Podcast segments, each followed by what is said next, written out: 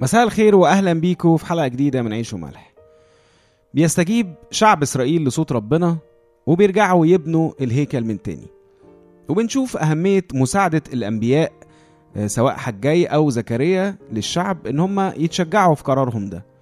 وكل ده كان لمجرد إن هم نقلوا أو أعلنوا كلام ربنا ليهم. وهو بيقول لهم أنا معاكم. طيب يا ترى هيقدروا بقى يكملوا فعلا بنى الهيكل؟ ولا في حاجة تانية هتقف في طريقهم. خلونا نكمل ونشوف.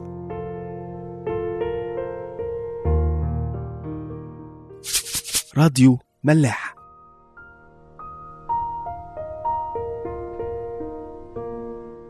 سفر عزرا لصح الخامس من أول عدد ثلاثة في ذلك الزمان جاء إليهم تتناي والي عبر النهر وشطار بوزناي ورفقائهما وقالوا لهم هكذا يعني سيبكم الأسماء هي صعبة شوية بس دول اللي هم كانوا زي المشرفين من مملكة فارس على المنطقة اللي فيها أورشليم.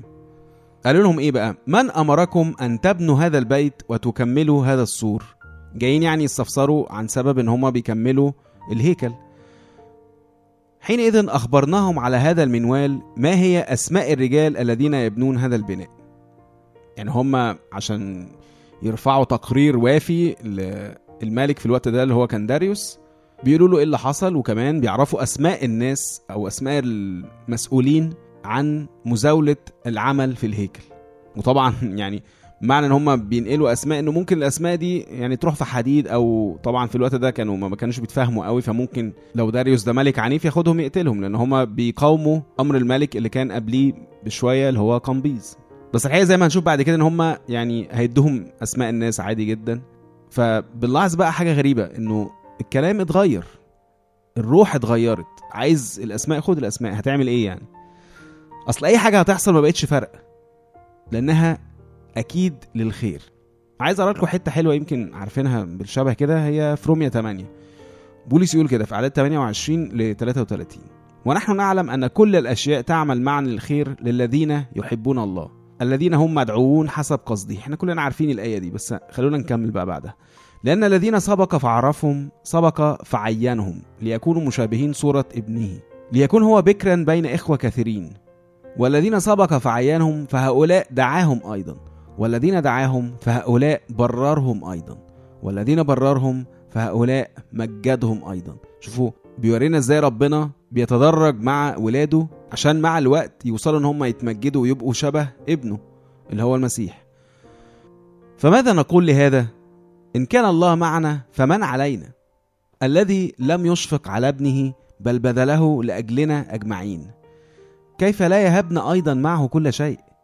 من سيشتكي على مختاري الله؟ الله هو الذي يبرر. يعني أسئلة كتيرة بيطرحها بولس عشان نسألها لروحنا. يعني بيقول لنا يا جماعة بجد لو ربنا معانا بجد إيه اللي ممكن يقف قدامنا؟ إيه اللي ممكن يهمنا؟ إيه اللي ممكن نخاف منه؟ وإزاي بنوصل إن إحنا ممكن نقلق من ربنا؟ إننا نتخزوق أو نتباع أو نتنسي؟ الأفكار دي بتيجي يعني محدش ينكرها. فهو بقى بيرد يقول الذي لم يشفق على ابنه بل بذله لأجلنا أجمعين. يعني إلخاطي فينا قبل البار. كيف لا يهبنا أيضا معه كل شيء؟ إزاي اللي بذل ابنه نفسه مش هيدينا الحاجات البسيطة دي معاه؟ فشعب إسرائيل بقى صدقوا قوي كلام ربنا ليهم إن هو معاهم فما همهمش أي حاجة في الدنيا. زي ما داود بيقول في مزمور 56 عدد 11 على الله توكلت فلا أخاف ماذا يصنع بي الإنسان هيعمل إيه؟ ولا أي حاجة طبعا لأنه الله اللي سمح بالمشتكي في الأول زي ما كنا تابعنا. هو برضو على كلام بولس اللي هيبررنا من شكاوي المشتكي على مختاري الله. من سيشتكي على مختاري الله؟ مفيش حد طبعا. نكمل. وكانت على شيوخ اليهود عين إلههم فلم يوقفوهم حتى وصل الأمر إلى داريوس. وحينئذ جاوبوا برسالة عن هذا. قبل بقى ما نشوف الرسالة أكيد أخدنا بالنا من التعليق اللي مكتوب في النص ده إنه كانت على شيوخ اليهود عين إلههم. وهي دي أهم حاجة برضو. أيا كان هيحصل إيه بعد كده؟ في أخبار أيام تاني صح 16 عدد 9 آية حلوة قوي يقول كده لأن عيني الرب تجولان في كل الأرض ليتشدد مع الذين قلوبهم كاملة نحوه يعني عينين ربنا عاملة زي الرادار كده تشوف أي واحد قلبه مع ربنا وتشدده. وده زي بقى ما قلنا كتير قوي مش ممكن أي حد هيتكل على ربنا بجد وربنا هيسيبه ثانية. وهنا بقى ممكن بسهولة نقارن ما بين موقف شعب إسرائيل قبل الشكوى بتاعت السامريين وبعدها دلوقتي. ما بقاش الدافع هو مجرد إرجاع مجد قديم وخلاص. إنما بنى علاقة مع ربنا اللي بسبب تركهم ليه اتبهدلوا وبرجوعهم ليه محدش هيقدر يكلمه. وأي بقى مقاومة هتحصل مش مهم تترمي على ربنا. خلونا نكمل بقى ونشوف أكتر إزاي وجود ربنا كان واضح في العمل بتاعهم ده.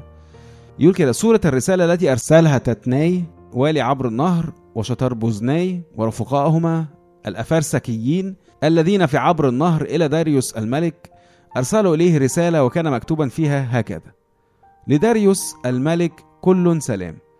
ليكن معلوما لدى الملك أننا ذهبنا إلى بلاد يهوذا إلى بيت الإله العظيم.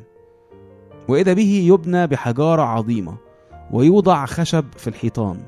وهذا العمل يعمل بسرعة وينجح في أيديهم.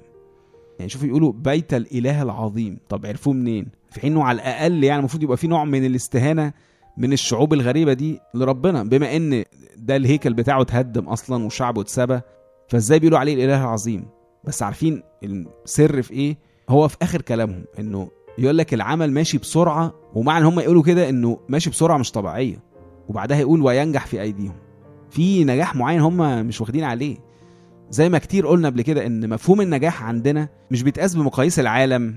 لا بيتقاس بمدى وجود ربنا في حياتنا. زي ما اتقال على يوسف وهو عبد في بيت فوطيفار ومش بس كده وهو في السجن كان يتقال إن هو عشان ربنا كان معاه فمهما عمل كان ربنا بينجحه سواء وهو عبد أو هو في السجن. لسه برضو الناس شايفاه ناجح والسر عشان ربنا معاه.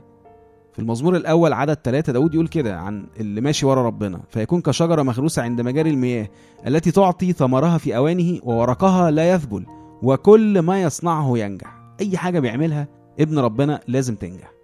الناس بقى اللي مش عارفة ربنا بتشوف النجاح ده وبتميز إنه النجاح ده مش طبيعي مش خاضع لقوانين العالم ولا حروب العالم لا هو فوق كل ده فبيبان على طول بينور إنه ده مش ممكن يجي غير من ربنا بيعرفوا إن ربنا مع الإنسان ده.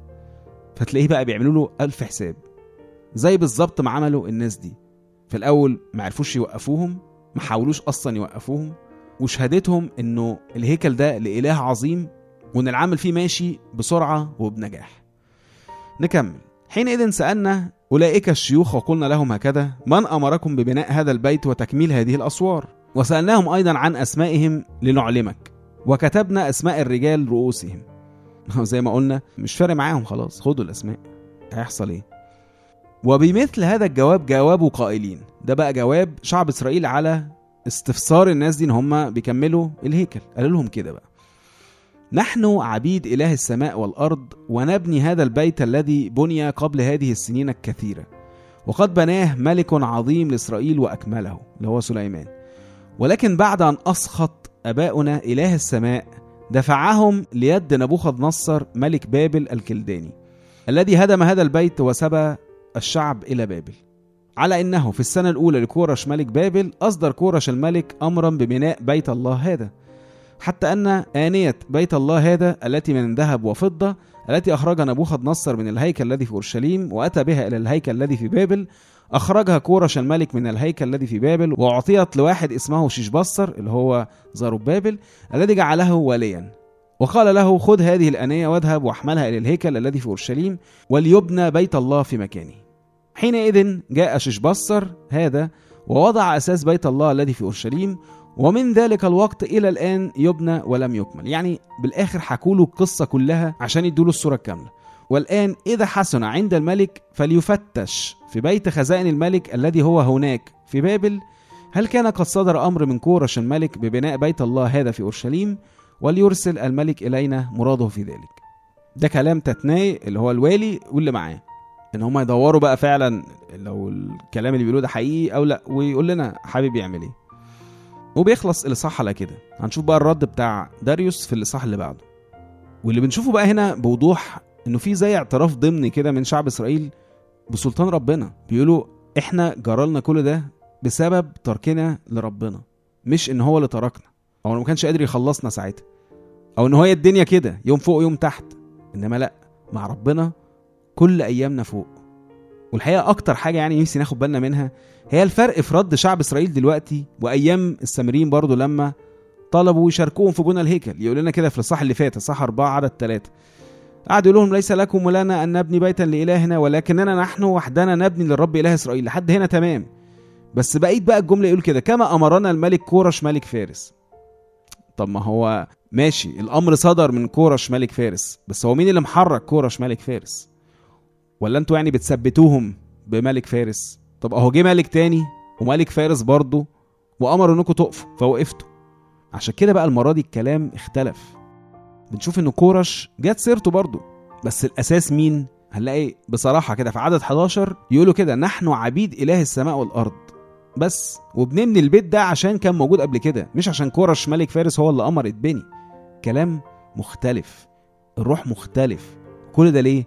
عشان زي بقى ما كنا بنقول إن ربنا سمح للمشتكي إنه يقاوم شعب إسرائيل مش عشان هو سابهم لا عشان يخرج منهم خطية معينة كانت مدفونة جواهم اللي هي التراخي وعدم الإيمان بوعود ربنا.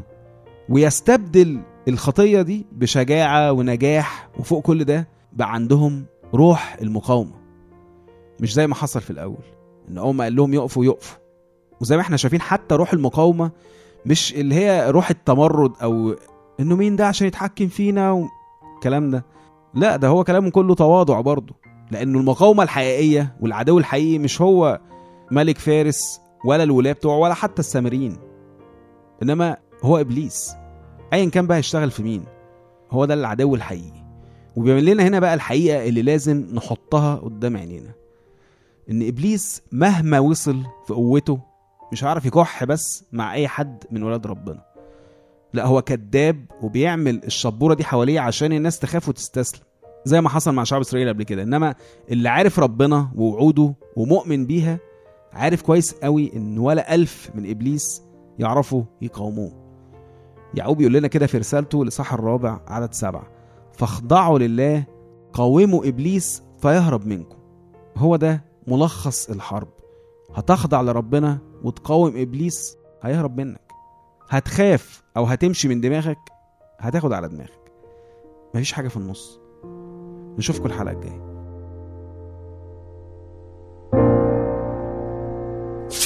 راديو ملاح